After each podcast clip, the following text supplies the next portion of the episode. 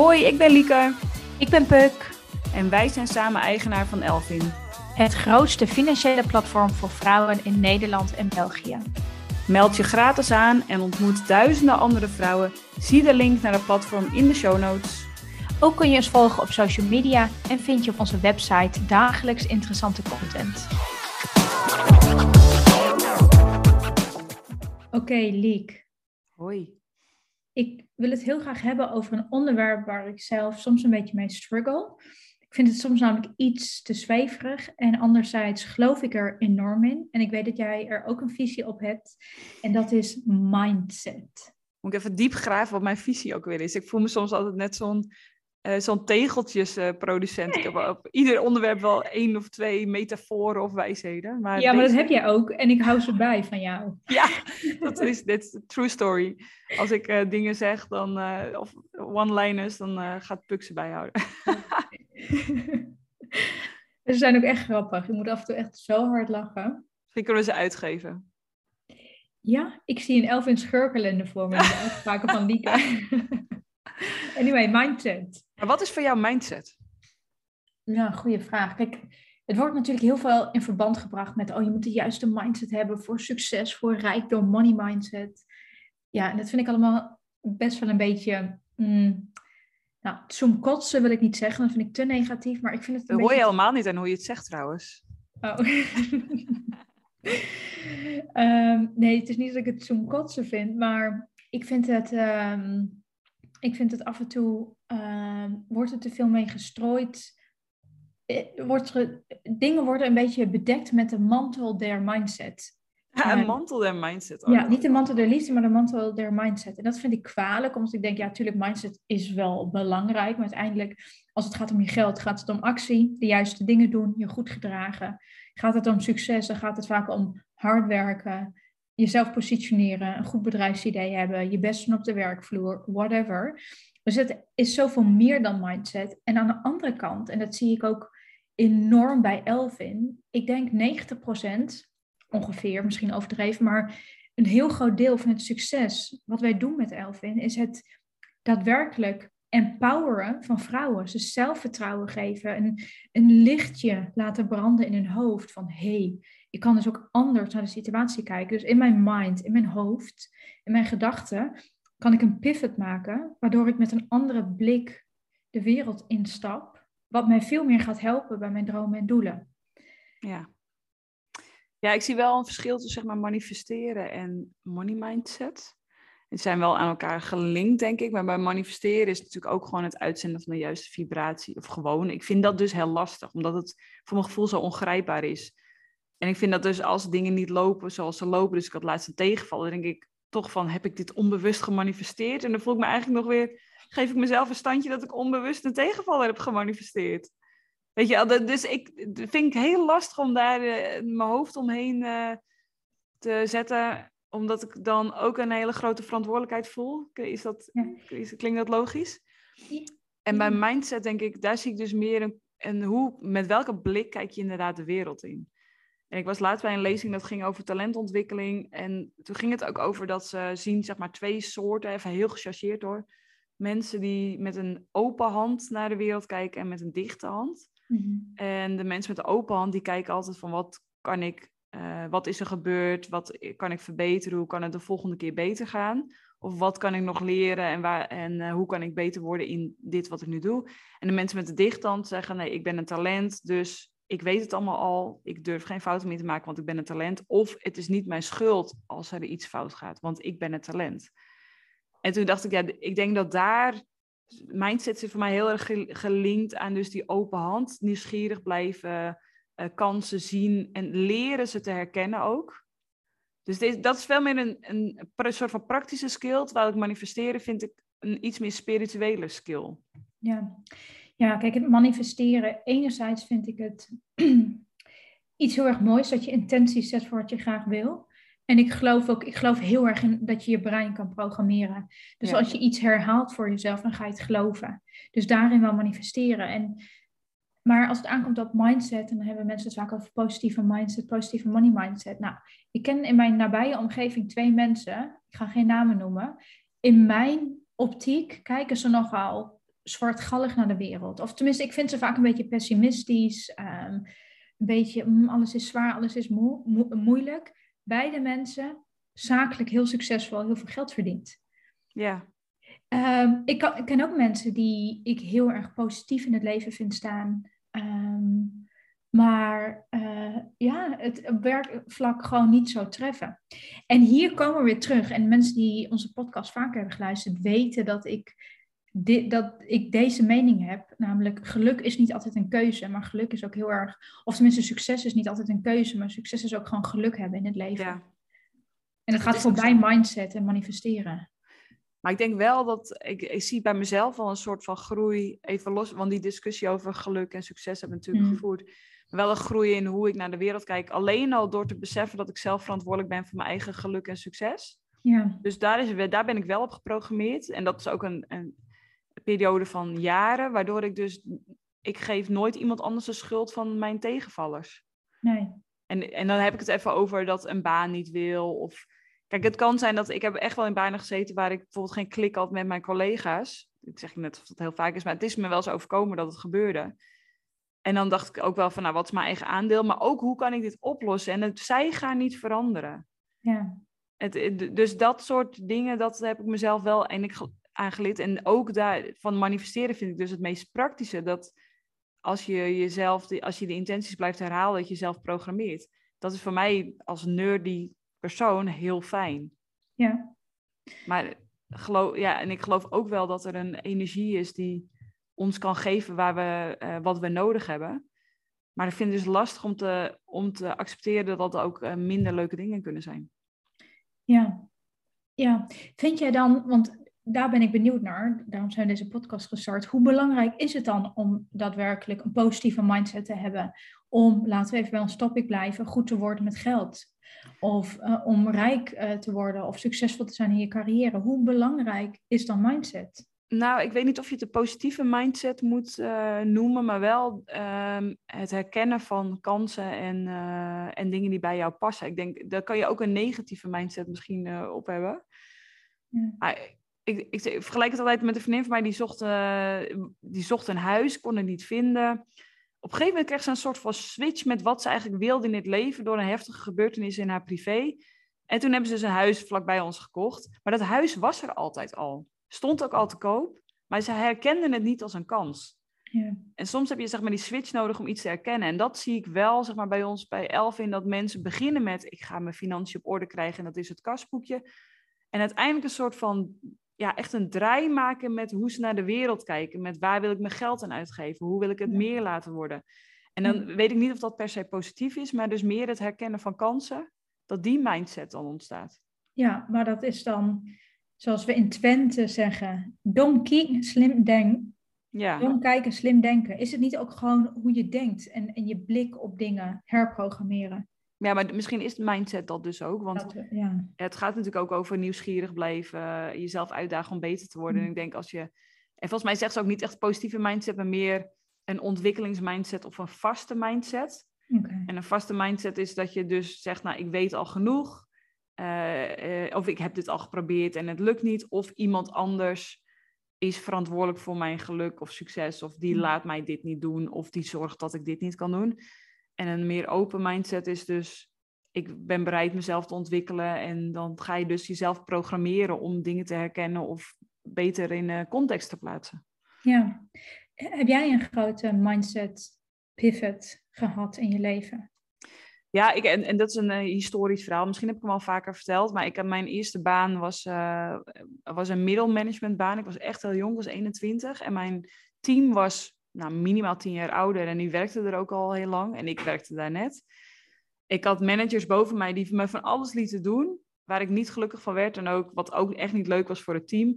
Maar ik was echt niet bij machten of niemand had mij iets geleerd, dus ik was daar gewoon neergezet. Dus ik was echt een, uh, een uh, pion, ik wou zeggen spion, nee, pion. Heb ik me echt enorm ongelukkig gevoeld. en het waren ook rare werktijden. En dan kwam ik thuis en liep ik echt heel erg tegen wiegen te zeuren. Dit is 100 jaar geleden, want het is we zijn al 18 jaar samen. En toen zei hij op een dag, ja Lieke, ik ben er eigenlijk wel een beetje klaar mee. Elke dag kom je zagrijnig thuis. Hij zei het iets liever dan dit. Maar hij zegt, volgens mij heb je gewoon twee keuzes. Of je gaat weg, Of je stopt met zeuren. Want dit is, dit is gewoon niet te harde. Eh was vrij in het begin van onze relatie. In het begin werd ik boos op hem. Van jeetje, je steunt mij ook niet. En ik, je ziet toch dat ik het hartstikke zwaar heb. Dus ik ging echt mega in die slachtofferrol. Ja, ja, ja. En uiteindelijk ging het heel erg marineren. En eigenlijk heb ik dat, dat is voor mij echt de, de draai, echt een draai in mijn leven geweest. Want vanaf toen dacht ik, ja, fuck, hij heeft gewoon hartstikke gelijk. ja. Ik ben gewoon verantwoordelijk voor hoe leuk mijn baan is. Als ik het niet leuk vind, moet ik weggaan. Als ik, ik kan het niet veranderen, want dit is de situatie. ja.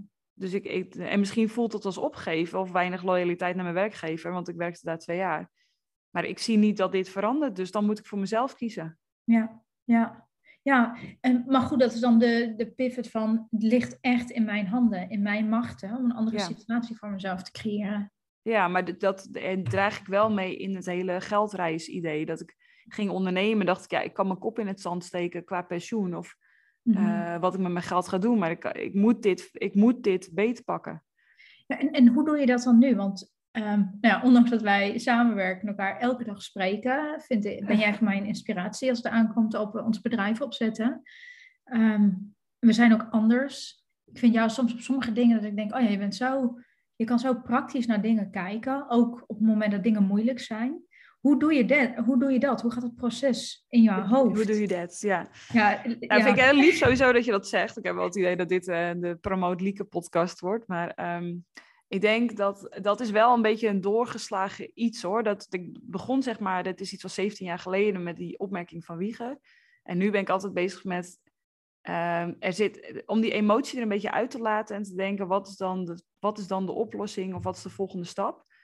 En dus te optimaliseren. Dus ik had net dan een, eh, een sprekersklus en toen vroegen mensen ook, ja, jeetje, hoe doe je dat allemaal? Maar voor mij is het dus niet een optelsom van allemaal dingen, maar gewoon als ik denk, hm, dit loopt niet zo lekker. Wat kan ik doen om het te verbeteren? Waar zit nou precies het euvel? Dus ik ben iedere keer bezig met die 1%. En omdat ik dus altijd bezig ben met die 1% beter worden, eh, voor de dingen die voor mij belangrijk zijn. Dus dat hoeft niet altijd meer geld of kan ook zijn dat ik meer tijd met mijn kinderen wil doorbrengen of dat ik het gevoel heb dat ik te weinig tijd aan mezelf besteed. En zo zie ik ons bedrijf ook. Dus alles wat we doen is goed. En ik zoek naar de 1% om het beter te maken. Zelfs de dingen waarvan we zeggen van. En dat gebeurt echt, hè, want we zijn natuurlijk een start-up, nou je weet het. Er gebeurt van alles en niet alles is succesvol. Sommige dingen kosten heel veel geld. Mhm. Ehm, en leveren niet op wat we hadden gehoopt dat het zou opleveren. En we hebben er ook wel stress van. Maar in plaats van mezelf dan de schuld te geven van, nou, dit heb je slecht gedaan, kun je, het enige wat je kunt doen is bedenken, wat kan ik doen om het beter te maken? Ja. ja, dat heb ik heel erg van jou geleerd. Maar ook om dingen te zien als een les. Ja, want ik, ja, nou ja, dat is natuurlijk ook zo dat jij eh, aan het twijfelen was over de baan. Aan het begin Ja. van onze eh, Ja. samenwerking. Ja, ja, eh, dus voor de luisteraars even terug. Een jaar, ik denk dat het precies nu, we nemen dit op eind juni. Ik denk dat het echt, het is exact een jaar geleden dat ik mijn baan opzegde. Om natuurlijk fulltime Elfin te gaan doen. Nee, maar dat was daarvoor nog, toen, toen ik deze baan aangeboden kreeg. Maar toen Ja. wij eigenlijk al Elfin wilden gaan doen, toen zei, toen zei jij, toen dacht ik, ja, zo is het ook gewoon echt. En ik hoop dat ik die, die gemakkelijkheid kan, kan vasthouden in het leven. Probeer het gewoon. Als het niet wat is, je kan altijd een andere keuze maken. Ehm, dus toen ben ik het gaan proberen om die baan te, te doen naast Elvin. Nou ja, Wat niet ging. wat ik ging, kwam ik dan na twee maanden achter. En dan voel je je heel schuldig als je net een, een of andere topbaan hebt aangenomen en een team aan het aannemen bent. Anyway, toen dacht Ja, maar oh ja, niet nee, schuldig heb- Mm. naar jezelf. Weet je, dat is dus het verschil. Want je, vaak maak je dus keuzes naar loyaliteit naar anderen. klopt, En dat was dus de les die ik leerde. Maar ik moet eigenlijk loyaal zijn naar mezelf. Ja, en, en ik denk ook daarin, want ik heb natuurlijk wel heel gestruggeld om die baan zo snel weer op te gaan zeggen.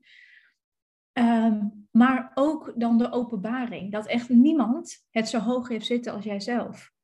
Nee. Het is echt niet dat ze daar met de rouwwagen zo de straat rijden, want Puk zegt daar baan op. Nou, nee, dus we maken dingen zo groot in ons hoofd. Ik, ik denk voor, voor mij persoonlijk wat, wat een mindset shift is geweest, is om te... Be ik probeer altijd over... Als ik ergens me druk over ga maken, probeer ik ehm, te realiseren hoe voelt dit op het moment dat ik nog maar vijf minuten te leven heb. Stel, ik weet dat ik ga overlijden en ik kijk terug op mijn leven.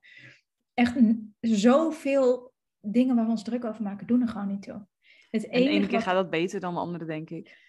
Exact, maar als ik er soms te diep in ga hangen, dat ik denk, oh, wat moet ik doen? Welke keuze moet ik maken? Oh, wat een ellende. Dat is echt, dat is uh, victimizing en uh, aanstelleritis. Maar dan denk ik, ja, hoe belangrijk is het nou? Niet zo. Gewoon plezier hebben en er wat van proberen te maken. Ehm, ja, en, en ik vind heel erg wat, wat ik zelf een hele, een hele prettige mindset vind, uh, om in deze termen te blijven, is nieuwsgierigheid. Ja, en dat ben jij zeker. En dat bewonder ik ook wel. Want op het moment dat jij in je hoofd hebt, ik wil dit weten, dan ga je dan, nou, die dag erna heb je zeg maar zes boeken gelezen, drie podcasts geluisterd. En dan kan je bijna als zelf, als profi, spreker dat helemaal, of wat dan ook. Maar dat vind ik zo knap. Nou, lief. Ook nog een beetje pubpromotie. Ja, precies. Maar ik denk, jij hebt wel echt zo'n mentaliteit. Ehm, en maar misschien realiseer je niet dat, dat wij dus die shifts hebben gemaakt. Hè? Dus dat je iedere keer een stapje verder komt in die mindset. Dus um, weet je, het, want we hadden het ook van, is mindset belangrijk? En we kunnen, wij kunnen misschien zeggen, het is niet belangrijk. Maar ondertussen hebben wij dus de afgelopen tien jaar al iedere keer wel stapjes gemaakt om verantwoordelijkheid te nemen, nieuwsgierig te blijven, te blijven ontwikkelen. En voelt het nu als gewoon, waar je, misschien staat het wel heel ver af van mensen die dat dus helemaal niet herkennen. Nee, Malik, is dat dan ook niet een stukje levenservaring? Want als je mij dit allemaal had verteld toen ik twintig was, was het dovermans oren geweest. Omdat ik het niet had kunnen voelen. Nee, en, maar dat, ik vind het ook leuker om, uh, om dertiger te zijn dan twintiger te zijn. En ik vind het ook leuk, vond het ook leuker om twintiger te zijn dan om puber te zijn. Nou, paradoxaal, want ik zeg, in je puberteit gebeurt er zoveel. Ga je iedere week stappen, ontmoet je zoveel nieuwe mensen. Elke week, weekend is een feestje. Maar super onzeker was ik in ieder geval. Ik vond het echt verschrikkelijk. Ik ben de hele tijd bezig met wat vinden mensen van mij. Nu heb ik dat minder, maar ik heb ook die feestjes en dat uitstappen en die, uh, en die, en die nieuwe belevenissen. Niet meer op die manier. Ja, ja.